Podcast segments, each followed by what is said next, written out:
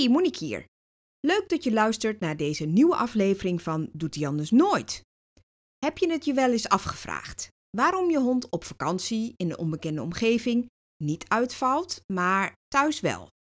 Of waarom je hond bij jou in huis wel schrikt van een dichtslaande autodeur, maar als je bij je ouders op visite bent en hij is mee, waarom die dan niet schrikt? Het antwoord op deze vraag heeft heel vaak te maken met het plaatje dat je hond in zijn hoofd maakt op het moment dat hij iets meemaakt. Dat hij iets meemaakt wat bij hem of op hem indruk maakt. De context. Hoe dat werkt en wat het effect daarvan is, bespreek ik in deze aflevering. Onder meer aan de hand van een voorbeeld van de Mechelse herder Roots en zijn eigenaar Maddie. De vraag van de week is van Lisa. Haar hond uit het buitenland heeft een groot jachtinstinct. En Lisa wil graag weten of ze dit kan trainen en hoe ze dit tot die tijd kan managen. Shh, Griffin. Ik ben aan het opnemen. Doet hij anders nooit. Herken je dit? Dat je dit zegt of denkt op het moment dat je hond iets doet? En kun je hem ook wel eens achter het behang plakken? Ben je dol op hem, maar word je ook wel eens een beetje gek van wat hij soms kan doen? In deze podcast Doet hij anders nooit? vertel ik elke week waarom je hond dat doet, hoe dat komt dat hij het blijft doen, of misschien ook wel niet, en natuurlijk wat je eraan zou kunnen doen. Ik ben Monique Bladder, gedragstherapeut voor honden. En net als jij heb ik zeker niet de perfecte honden, maar wel de allerleukste. Ondanks dat ze soms dingen doen die ze anders nooit zouden doen. Als je hond bepaalde dingen doet die je liever niet zou zien, is er een hele grote kans dat het uitmaakt in welke situatie jullie je op dat moment bevinden. Het kan bijvoorbeeld uitmaken of je op straat onbekende mensen tegenkomt, niet blaffen, of in huis, wel blaffen. Of dat je honden tegenkomt op je vakantieadres, niet uitvallen, of in je eigen straat, wel uitvallen. Of je in december met je vuurwerkangstige hond overdag wandelt, niet bang, of als het donker is, wel bang. Dit allemaal valt onder de noemer de context.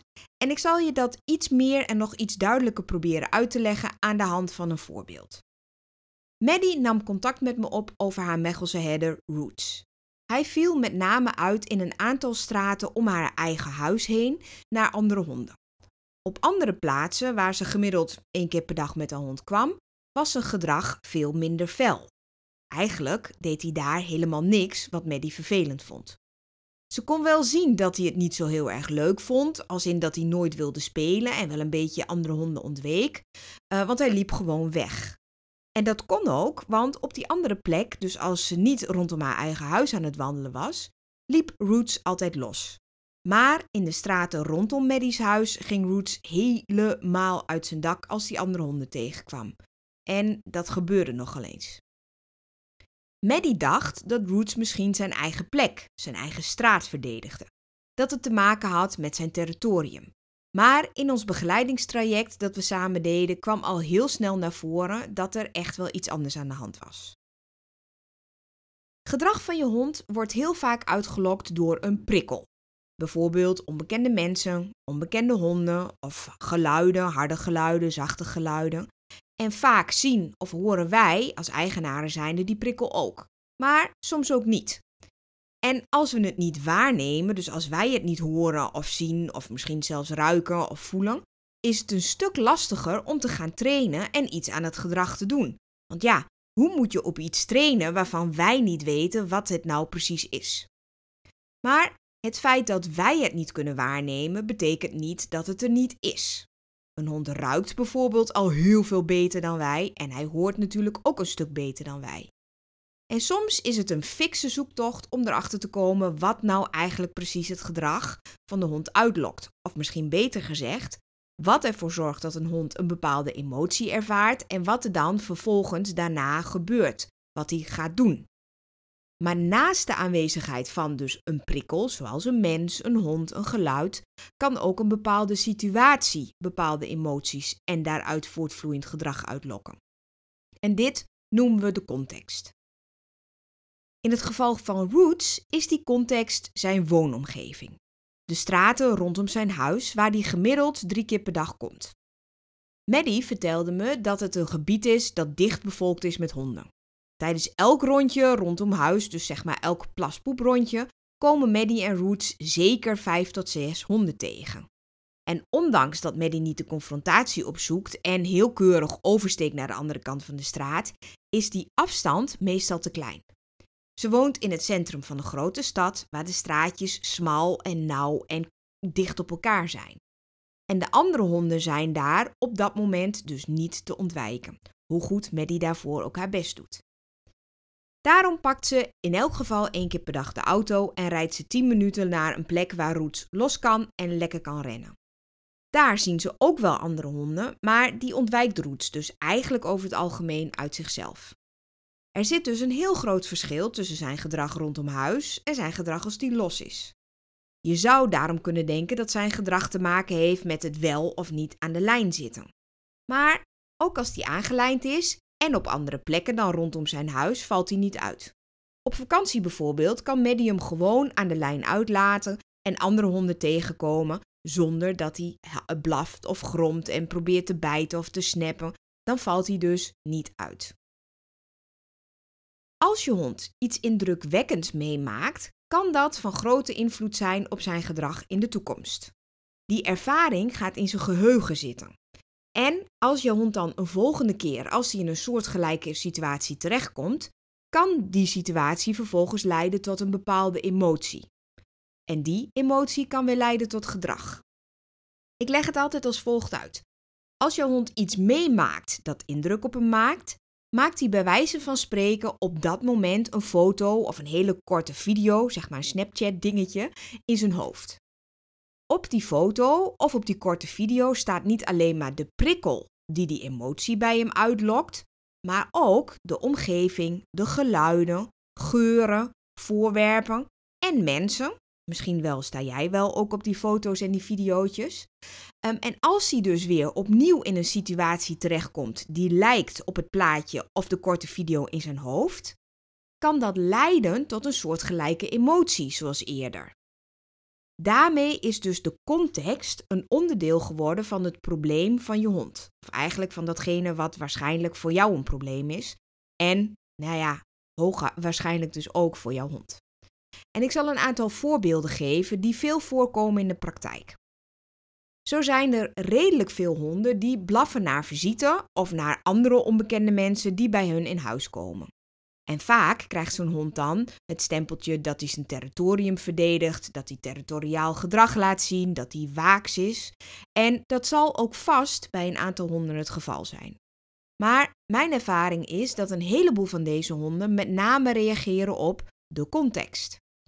Hun eigenaar heeft het ontvangen van visite meestal iets minder positief begeleid dan je eigenlijk zou willen, of dan ik eigenlijk zou willen.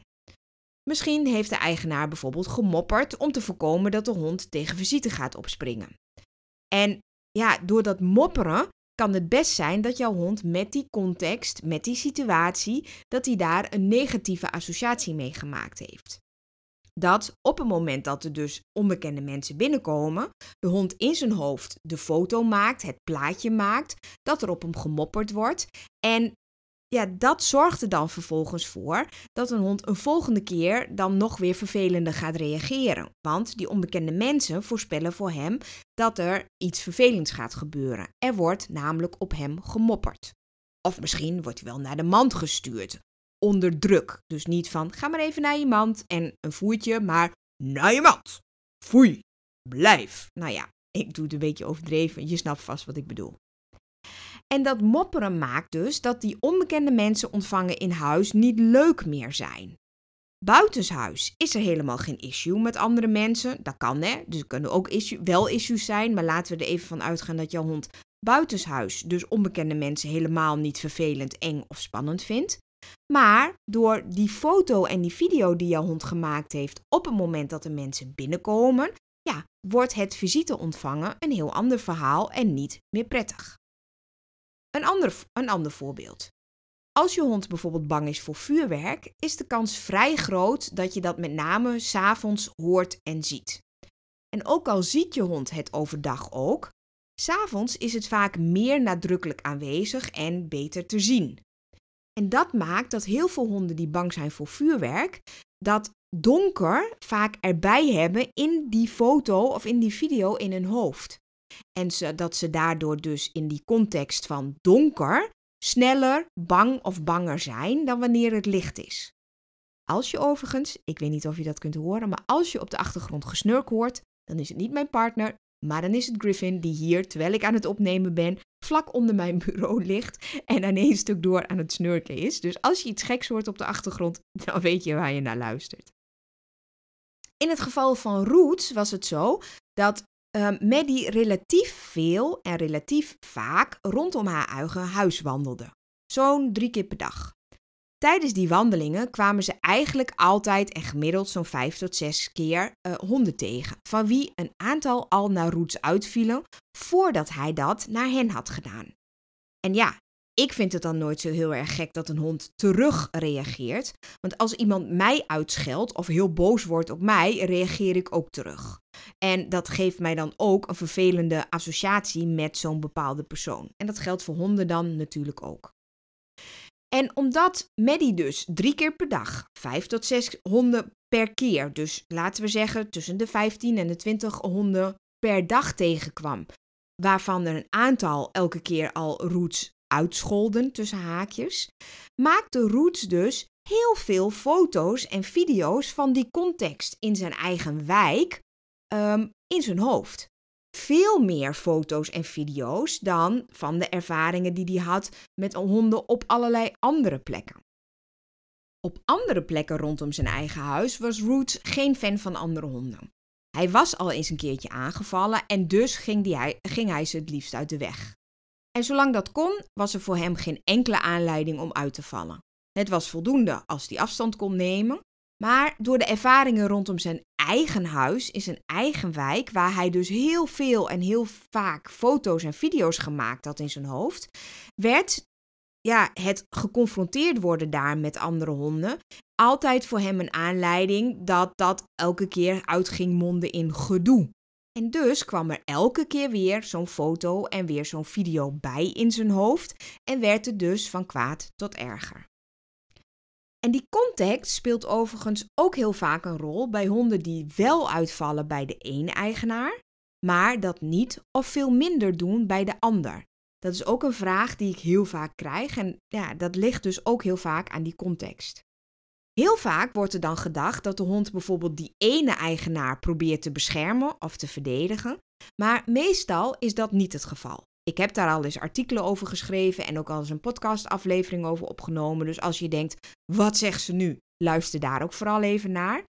Maar vaak is het dus zo dat de hond meer foto's en video's heeft waar die ene eigenaar, waar die dus bij reageert, op staat, dan dat hij foto's of video's heeft van die andere eigenaar en die situatie daarbij. Of dat er bijvoorbeeld vaker vervelende situaties voor de hond zijn bij die ene eigenaar dan bij die andere eigenaar.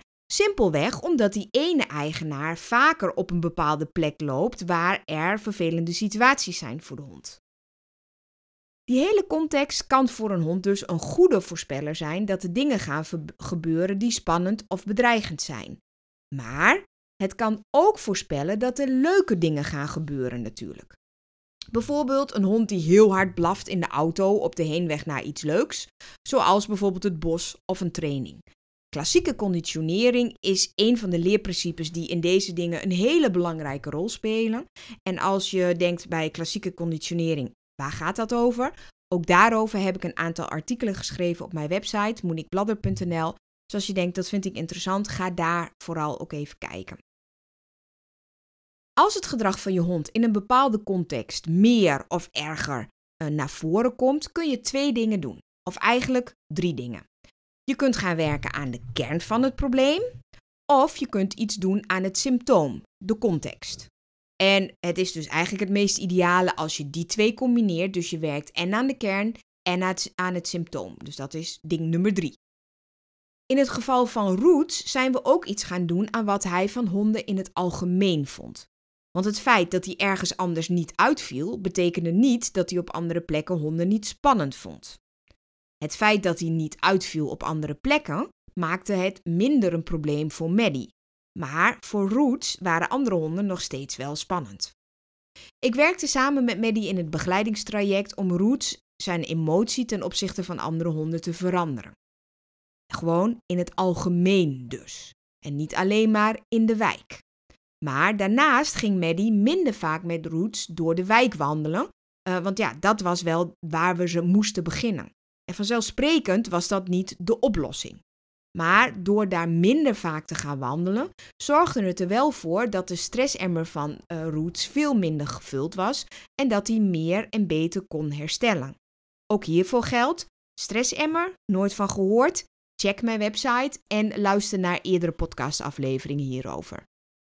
Ondertussen hebben de honden er deze keer denk ik een sport van gemaakt om zich op de achtergrond te laten horen. Want het kan zijn dat je nu Haley uitgebreid hoort te drinken uit haar waterbak, alsof ze nog nooit eerder gedronken heeft. Uh, kan ook zijn dat je het helemaal niet hoort, want dat kan ik nooit bepalen op het moment dat ik het opneem. Maar uh, nou ja, ik zou haar zeggen, dat doet ze anders nooit. Maar toch, dan weet je wat je op de achtergrond hoort. Um, waar was ik gebleven? Oh ja, stressemmer. Um, en het feit dat Maddie minder ging wandelen met Roots door de wijk, had dus een positief effect uiteindelijk op het resultaat van de trainingen. Want doordat ze minder vaak in de wijk ging wandelen, werd de stressemmer van Roots minder gevuld. En dus werden die trainingen gewoon, die zonken makkelijker in, zullen we maar zeggen. Maddie ging ook lopen en wandelen op momenten dat er minder andere honden waren. En met buren kon ze afspraken maken over wie wanneer ging wandelen. En als ze dus wel ging wandelen in de wijk, deed ze dit vooral kort en zorgde ze ervoor dat Roots kon snuffelen en leuke, korte, eenvoudige oefeningen kon doen die, ze, die hem meer zelfvertrouwen gaven. Die combinatie, in combinatie met training, zorgde er uiteindelijk voor dat Roots niet meer uitviel in de wijk. Hij vond overigens daar andere honden duidelijk nog wel spannender dan op andere plekken, maar het leidde niet meer tot een uitval. Daarmee was het probleem voor Maddie opgelost en was het allemaal een heel stuk prettiger ook voor Roots. Heel fijn, niet alleen voor de eigenaar, ook voor de hond. Daar doen we het voor.